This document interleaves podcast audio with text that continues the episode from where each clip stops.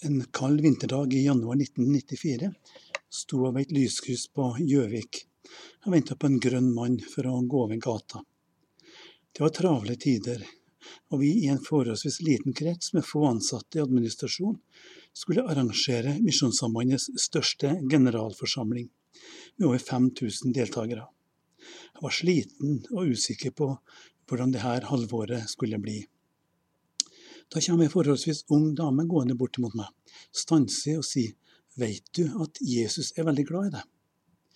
Jeg kunne svare ja, for jeg var jo en kristen. Likevel var det her som et håndslag ifra himmelens Gud i en krevende situasjon. Han visste at jeg trengte en oppmuntring denne dagen der. Og I dag så skal vi la det hun sa være overskrift for det vi skal dele sammen. Veit du at Jesus er veldig glad i deg? Vi skal lese sammen prekenteksten for eh, denne søndagen her. Det står i Johannes evangeliet kapittel 4, vers 4-26. Han måtte reise gjennom Samaria, og der kom han til en by som het Sykar, like ved et jordstykke Jakob ga sin sønn Josef. Der var Jakobskilden. Jesus var sliten etter vandringen, og han satte seg ned ved kilden. Det var omkring den sjette timen. Da kommer en samaritansk kvinne for å hente vann. Jesus sier til henne, La meg få drikke. Disiplene hans var, da, var nå gått inn i byen for å kjøpe mat. Hun sier, Hvordan kan du som er jøde be meg, en samaritansk kvinne, om å få drikke? For jødene omgås ikke samaritanene. Jesus svarte, Om du hadde kjent Guds gave og visst hvem det er som ber deg om å drikke, da hadde du bedt ham, og han hadde gitt deg det levende vann. Herre, sa kvinnen, du har ikke noe å dra opp vann med, og brønnen er dyp. Hvor får du da det levende vannet fra? Du er jo ikke større enn vår stamfar Jakob. Han ga oss brønnen, både han selv, sønnene hans og budskapen drakk av den. Jesus svarte, Den som drikker av dette vannet, blir tørst igjen. Men den som drikker av det vannet jeg vil gi, skal aldri mer tørste. For det vannet jeg vil gi, blir i ham en kilde med vann som veller frem og gir evig liv. Kvinnen sier til ham, Herre, gi meg dette vannet så jeg ikke blir tørst igjen, og slipper å gå hit og hente opp vann. Da sa Jesus til henne, Gå hent mannen din, og kom så hit. Jeg har ingen mann, svarte kvinnen. Du har rett når du sier at du ikke har noen mann, sa Jesus, for du har hatt fem menn, og han du nå har, er ikke din mann. Det du sier, er sant. Herre, jeg ser at du er en profet, sa kvinnen. Våre fedre tilba Gud på dette fjellet, men dere sier at Jerusalem er stedet der en skal tilbe. Jesus sier til henne, Tro meg, kvinne, den time kommer da det verken er på dette fjellet eller i Jerusalem dere skal tilbe Far.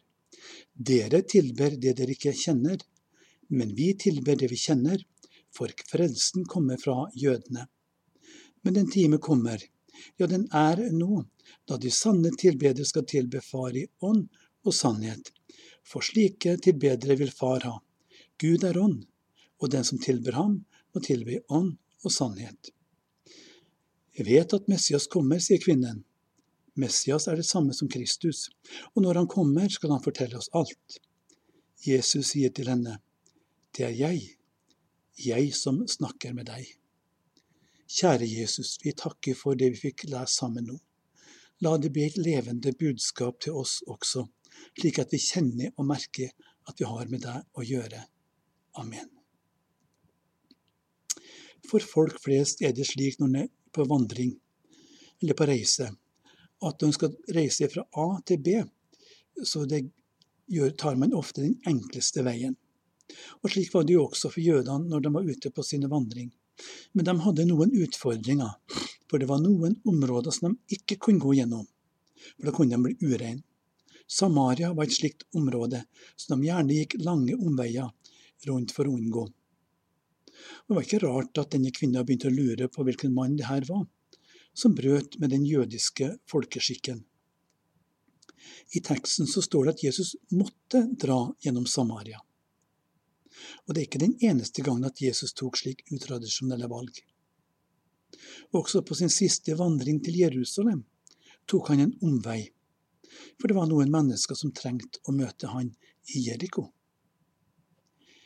Jesus fulgte ikke tradisjonene, men vi kan godt si at han hadde et indre kompass som viste han kursen der det var mennesker som hadde det vondt, og som trengte å møte han.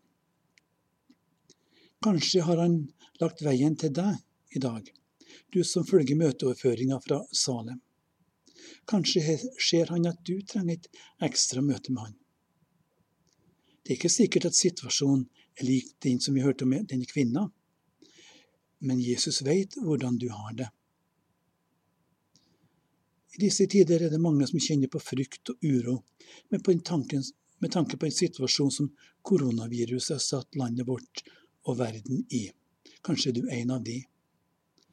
Det kan være andre ting som du sliter med bak din fasade, ting som ikke andre mennesker kjenner til, men som Gud ser.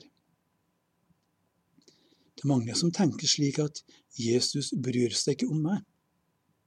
Er du frista til å tenke det i dag, at han er opptatt av alle andre enn deg? Tør du snakke med noen om denne utfordringa her? På en spesiell måte ser vi at Jesus under sin vandring her på jord ofte var ute etter å møte enkeltmennesker som hadde noe å slite med.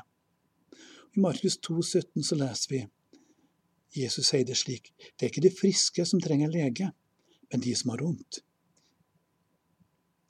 Vi skal ta med et par eksempler. Utenfor Jerusalem var det en dam som kalles for Betestadammen. Vi leser om det i Johannes 5. Der var det noe merkelig som skjedde. Av og til kom det en engel ned der og rørte rundt i vannet. Og de syke, den syke som først kom ut, han ble frisk så var det mange der. Og så var det annet en som aldri klarte å komme seg først ut i vannet. Alltid var han for sein. Så kommer Jesus til dammen. Han ser alle, men går forbi alle bortsett fra den ene. Stanser opp, og så står det så fint. Jesus så ham ligge der, og visste at han hadde vært syk i lang tid. Så sier han, vil du bli frisk? Et merkelig spørsmål. Men det ble nøkkelen til et nytt liv for denne mannen. Og sikkert man aldri glemte denne dagen ved Betestadammen. En annen var Sakkeus, en rik toller som hadde nok av jordisk gods. Men bak fasaden så hadde det vondt og vanskelig. Så han nok også hørt om Jesus, og en dag får han høre at Jesus er på vei til byen. Så ikke så greit, han er liten, kanskje han redd at folk skal se ham. Så finner han seg et tre med masse løvblad og klatrer oppi for å prøve å skjule seg sjøl og få et glimt av Jesus. Men når Jesus kommer, så hører han det tause ropet ifra hans hjerte. Han så, Det står i Lukas 19, vers 5. Da Jesus kom til stedet, så han opp og sa til ham, Sakkeus, skynd deg og kom ned, for i dag må jeg bli i ditt hus. Det ble en ny dag og ny virkelighet også for Sakkeus. Jeg er sikker på han blir en Jesu venn for resten av livet. Denne dama vi leste om utafor Sykar, var nok et av uskuddene i denne byen. Kanskje var hun Sykars mest ulykkelige menneske som var ute og gikk. Det at hun kom midt på dagen for å hente vann, viste jo at hun egentlig ikke ønska å treffe andre mennesker. Kanskje hadde hun også dårlig samvittighet for det livet som hadde levd. Folket hata henne, og gav nok tydelig uttrykk for det. Hun visste godt hva baktalelse var. Hun så de hånlige blikka og erfarte de kalde skuldra fra sine medmennesker. Og faktisk så var det nok slik at det eneste som kunne gi henne fred, det var den hete sola midt på dagen.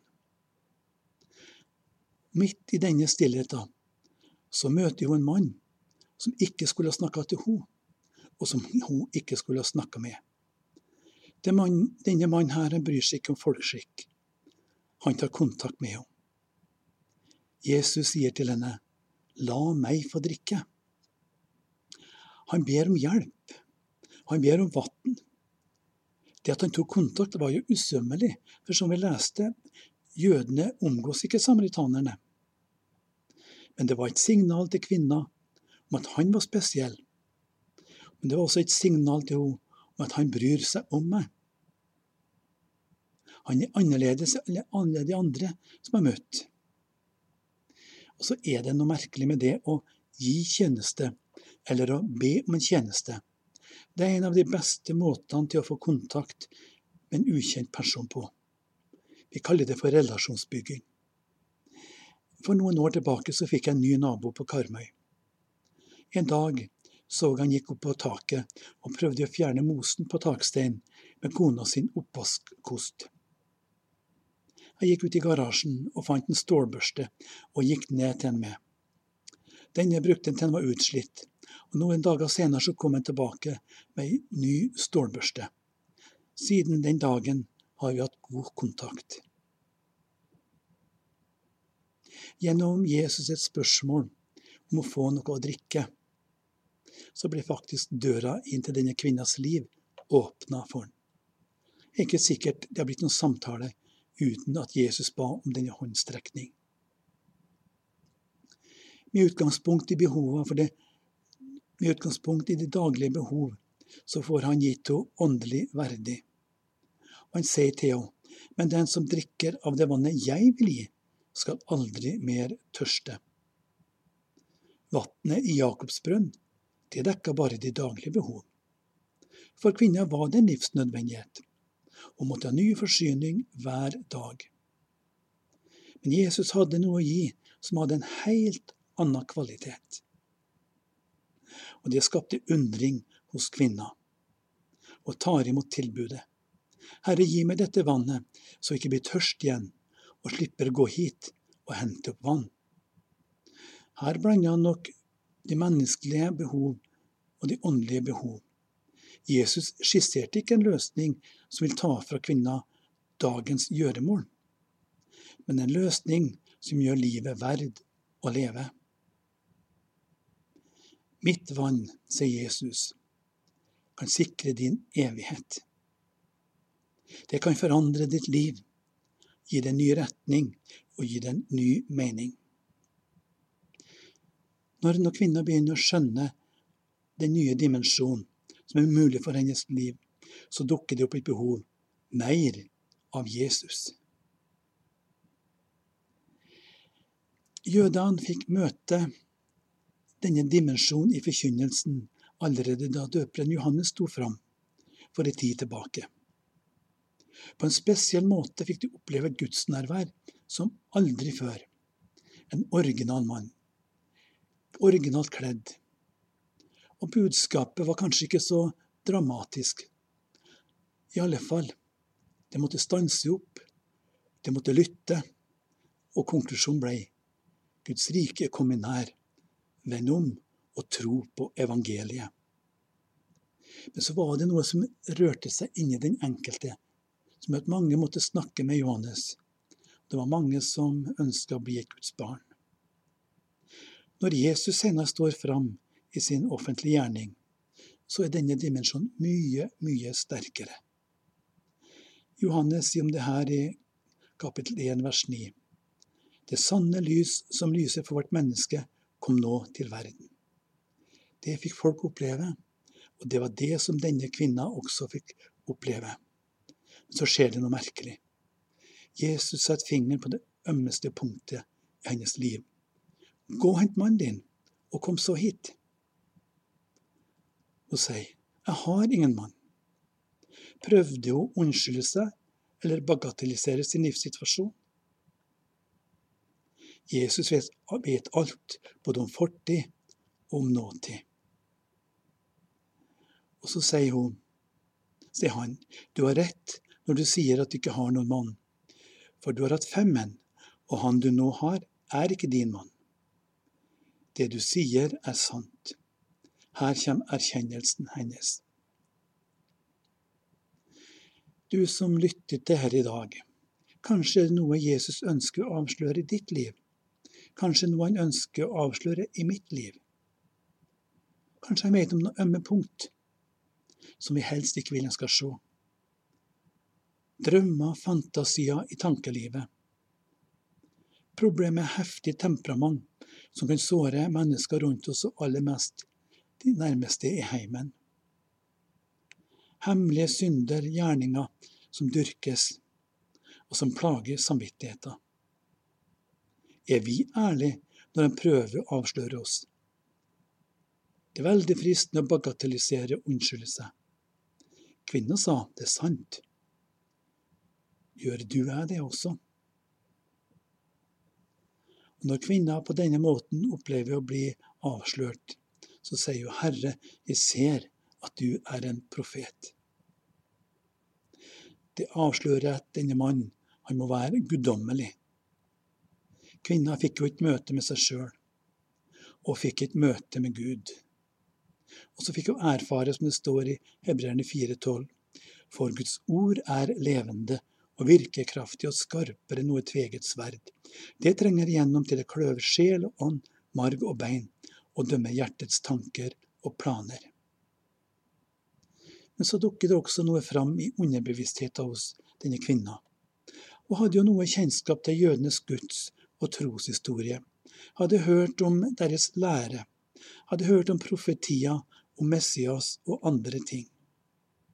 Og gjennom samtalen så dukket det opp tanker hos henne. Kan det her være Messias? Han jeg snakker med?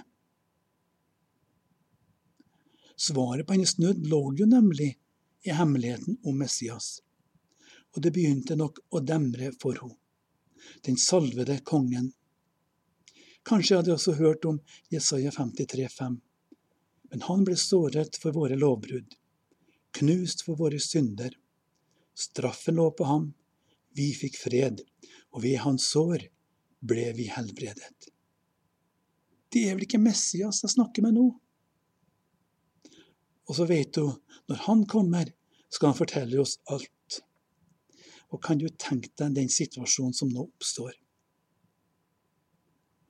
Når Jesus svarer, det er jeg, jeg som snakker med deg. Det skulle vært kjekt å se ansiktet til kvinna. Jeg er sikker på det begynte å skinne ting hos henne. Tenk, Messias, Messias bryr seg om meg. Vi synger en sang, du som bryter lenker, løser trellersbånd, du som frihet skjenker ved din hellige ånd. Fram til deg jeg trenger fra mitt fengsel ut. Ingen slave lenger, men et barn av Gud. Som står i en annen sang, åpen har jeg himmelen funnet. Og det var jo det som denne kvinna fikk lov til å erfare denne dagen. Og hadde fått den første slurken av livets vann. Og erfart, som det står i Salme 34, 19. Herren er nær hos dem som har et nedbrutt hjerte, og han frelser dem som har en knust ånd. Så står det i fortsettelsen av det vi leste, at hun dro tilbake til byen og sa, Kom og se, en mann som har fortalt meg alt jeg har gjort. Han skulle vel ikke være Messias?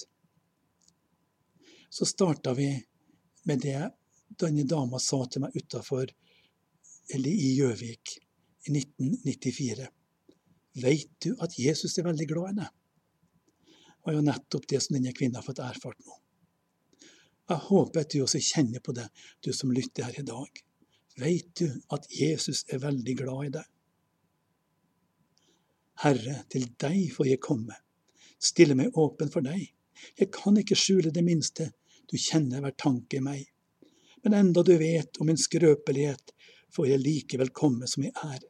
All din tale er sann, og den gjør at jeg kan være trygg på at du har meg kjær.